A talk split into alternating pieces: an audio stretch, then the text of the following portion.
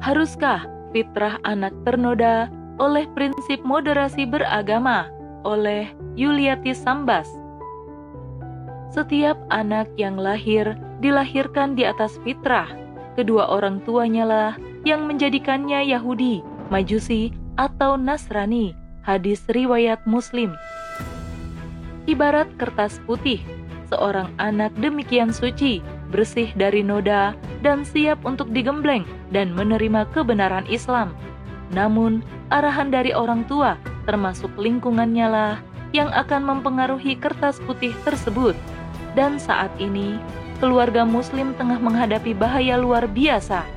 Anak-anak generasi khairu ummah dijauhkan dari fitrahnya oleh sistem yang ada dengan diaruskannya program parenting kebangsaan dan wasotiyah. Dilansir oleh antaranews.com bahwa Badan Kesatuan Bangsa dan Politik atau Kesbangpol Yogyakarta meluncurkan program parenting kebangsaan untuk mengajak semua keluarga berpartisipasi aktif menumbuhkan jiwa nasionalisme anak sejak dini. Dalam pelaksanaannya, Kesbangpol menggandeng dua program lain, yakni Kampung KB dan Bina Keluarga Balita. Wakil Wali Kota Yogyakarta, Heru Purwadi, menyatakan program tersebut salah satunya untuk menjawab tantangan para orang tua dewasa ini terkait masifnya arus globalisasi yang seolah tumbuh tanpa batas, di mana solusinya adalah dengan menyuburkan jiwa nasionalisme buah hati. Beberapa waktu sebelumnya, Juli hingga September 2020, telah digagas dan dilaksanakan pula program yang hampir serupa berupa parenting wasatiyah. Diselenggarakan oleh tim pengabdian UIN Maulana Malik Ibrahim Malang bertempat di TPQ atau Taman Pendidikan Al-Quran Nurul Iman Masjid Al-Fat, Perumahan Karang Desa Ngenep, Kecamatan Karang Ploso, Kabupaten Malang. Pelaksana program, Beni Afwazi, mengungkapkan dalam jurnal penelitiannya bahwa program tersebut sebagai bentuk kontribusi dalam upaya menyelesaikan problem radikalisme dan terorisme di Indonesia yang telah melibatkan anak-anak di dalamnya. Ia mencontohkan kasus bom bunuh diri tahun 2018 di tiga gereja di Surabaya, di mana pelakunya adalah satu keluarga bersama empat anaknya. Kedua program di atas sangat mungkin menjadi pilot project untuk ditiru di wilayah lainnya. Hal tersebut untuk mendukung grand design moderasi yang tengah diaruskan pusat. Betapa masifnya arus moderasi beragama hingga anak usia dini pun digiring mendapatkan pola pengasuhan berbasis moderasi. Padahal, justru di usia dini, anak-anak kaum muslimin wajib diajarkan terkait nilai dasar tauhid yang bersih dari unsur yang mengotorinya. Ada beberapa hal di mana parenting kebangsaan dan wasotiah ini butuh dikritisi. Pertama, sebagai muslim, perkara tauhid adalah pokok agama yang wajib dijunjung tinggi mulai dari meyakini bahwa Allah adalah satu-satunya zat yang maha pencipta dan pengatur. Hanya aturannya lah yang wajib diterapkan secara menyeluruh sekaligus mampu menyolusikan semua problematika kehidupan. Sementara dengan parenting kebangsaan atau wasatiyah yang diajarkan justru ide liberal dan sekuler yang melarang orang tua memberi pengasuhan dengan sudut pandang kebenaran agama Islam. Bagaimana bisa seorang anak Muslim diarahkan dan dipahamkan bahwa agama yang diajarkan orang tuanya bukanlah satu-satunya agama yang benar, sebagaimana yang diajarkan dalam prinsip moderasi dengan prinsip pluralismenya. Sementara Al-Quran Surat Ali Imran ayat 19 menyatakan bahwa hanya Islamlah agama yang diridhoi Allah Mungkinkah orang tua muslim rela mendidik anak-anaknya mencampur adukan kebenaran agamanya dengan ajaran agama lain atas alasan toleransi yang kebablasan ala moderasi? Tentu mustahil. Kedua, benarkah solusi yang menjawab tantangan masifnya globalisasi tanpa batas yang banyak memberi efek buruk pada karakter, sifat, dan akhlak generasi adalah dengan memberikan pengasuhan berbasis kebangsaan ala moderasi, sebagaimana kita pahami, globalisasi di semua lini kehidupan berhasil menyebarkan prinsip kebebasan, hedonisme, sekulerisme, agnotisme, bahkan hingga ateisme sekalipun. Sasarannya adalah generasi Islam, di mana prinsip-prinsip berbahaya tersebut justru diadopsi dari budaya kufur Barat hal itu akan diserap dan menjadi karakter generasi yang merusak. Kerusakan itu dapat kita lihat mulai dari rapuhnya benteng keimanan generasi, rusaknya moral dan adab, pergaulan dan seks bebas, hingga prostitusi, narkoba, dan sederet persoalan generasi lainnya yang kian mengkhawatirkan. Itu semua bukan dikarenakan generasi tak paham akan prinsip kebangsaan dan nasionalisme, bukan juga dikarenakan generasi terlalu fanatik pada ajaran agamanya sebagaimana yang banyak dituduhkan selama ini.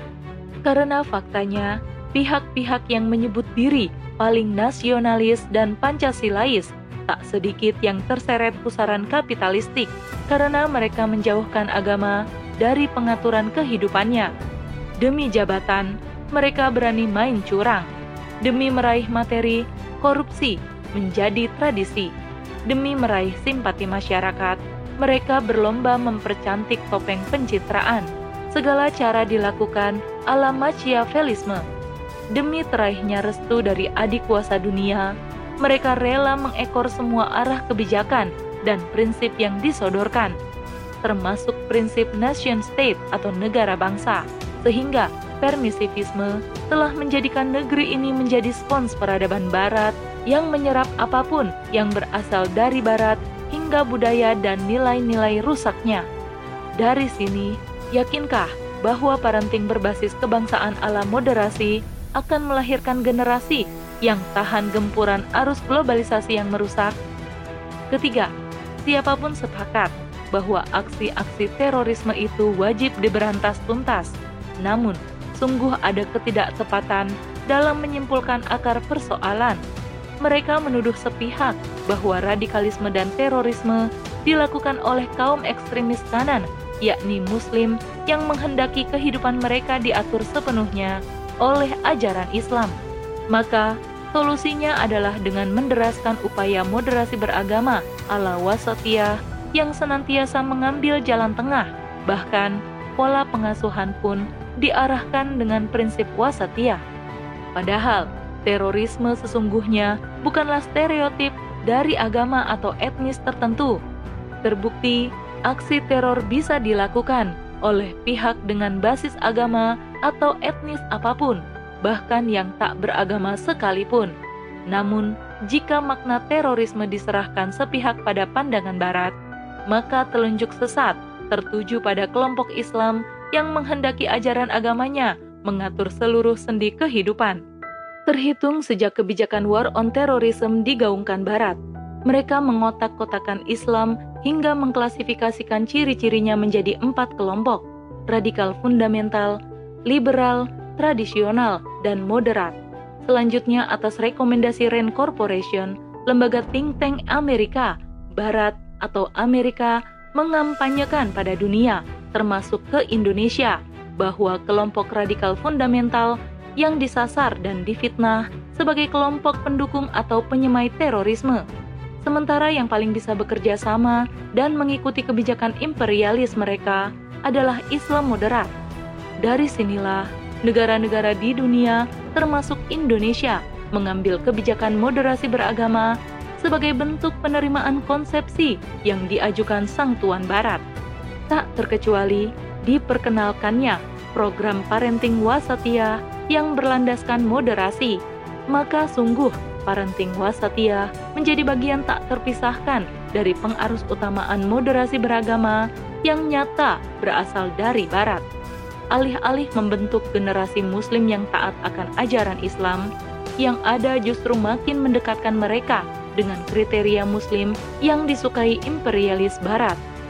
Jika jeli, kita akan dapati bahwa akar permasalahan dari semuanya adalah jauhnya umat dari syariat atau ajaran Islam yang kafah. Sistem kehidupan rusak yang dianut umat kini yakni kapitalisme sekuler liberal. Sebuah sistem kehidupan yang disebarkan Barat dalam mengokohkan cengkraman kuasa atas negara-negara di dunia. Karenanya, meski negara ini berpenduduk mayoritas Muslim, namun hingga dalam urusan pengasuhan di level terkecil keluarga pun kini diarahkan dengan prinsip kebangsaan dan wasotiah ala moderasi pesanan barat. Anak-anak generasi umat pun tak luput dijauhkan dari kesucian fitrahnya melalui prinsip moderasi. Sangat berbanding terbalik dengan bagaimana Islam memandang terkait pengasuhan anak. Islam mengamanahkan kepada orang tua untuk mengasuh, mendidik, dan menyayangi buah hati dengan pola parenting Islami Pengasuhan di awal kehidupan anak adalah bekal dasar yang akan menyemai bibit-bibit ketakwaan pada Sang Pencipta. Diawali dengan peletakan dasar akidah Islam dengan prinsip syahadat, di mana di dalamnya terkandung makna pengesaan Allah Subhanahu wa Ta'ala dan meyakini bahwa Baginda Muhammad Shallallahu Alaihi Wasallam adalah utusannya untuk diikuti setiap ajaran yang diembannya. Orang tua Muslim pun wajib memastikan buah hatinya digembleng dengan bekal keyakinan untuk tidak berlaku syirik, sebagaimana disebutkan dalam Al-Quran Surat Luqman ayat 13. Dan ingatlah ketika Luqman berkata kepada anaknya, ketika dia memberi pelajaran kepadanya, Wahai anakku, janganlah engkau mempersekutukan Allah. Sesungguhnya mempersekutukan Allah adalah benar-benar kezaliman yang besar. Didikan adab dan akhlak yang baik senantiasa disandarkan pada pandangan syariat. Islam mengajarkan bahwa Muslim wajib saling mengasihi antar sesama makhluk Allah, meski berbeda suku, bangsa, budaya, warna kulit, bahasa, dan seterusnya. Tak ada perbedaan di mata Allah atas setiap insan kecuali dalam hal takwanya. Akhlak Islam pun mengarahkan untuk tasamuh atau toleransi pada pemeluk agama lain dengan tidak mengganggu dan membatasi pelaksanaan ibadah mereka tanpa dirinya turut serta dalam ibadah tersebut. Di samping itu, keluarga Muslim pun membutuhkan lingkungan masyarakat yang searah dengan visi misi pengasuhannya, yakni untuk mengarahkan anak-anak generasi umat menjadi pribadi yang kokoh keimanannya, kuat dalam berpegang teguh terhadap syariat agamanya yang kafah. Terakhir, keluarga Muslim pun membutuhkan atmosfer kebaikan yang sempurna dalam mendidik dan mengarahkan anak-anaknya. Lingkungan sekolah dengan kurikulum yang diajarkan, juga tata aturan atau undang-undang yang diberlakukan di tengah-tengah masyarakat pun butuh selaras dengan visi misinya. Di sinilah umat membutuhkan negara yang menerapkan syariat Islam yang menyeluruh agar sempurna pula pembentukan pola didikan pada generasi umat yang tetap dalam fitrahnya, yakni berpegang pada aturan pencipta. Negara tersebut adalah Daulah Khilafah Islamiyah ala min hajin nubuah. Wallahu a'lam bisawab.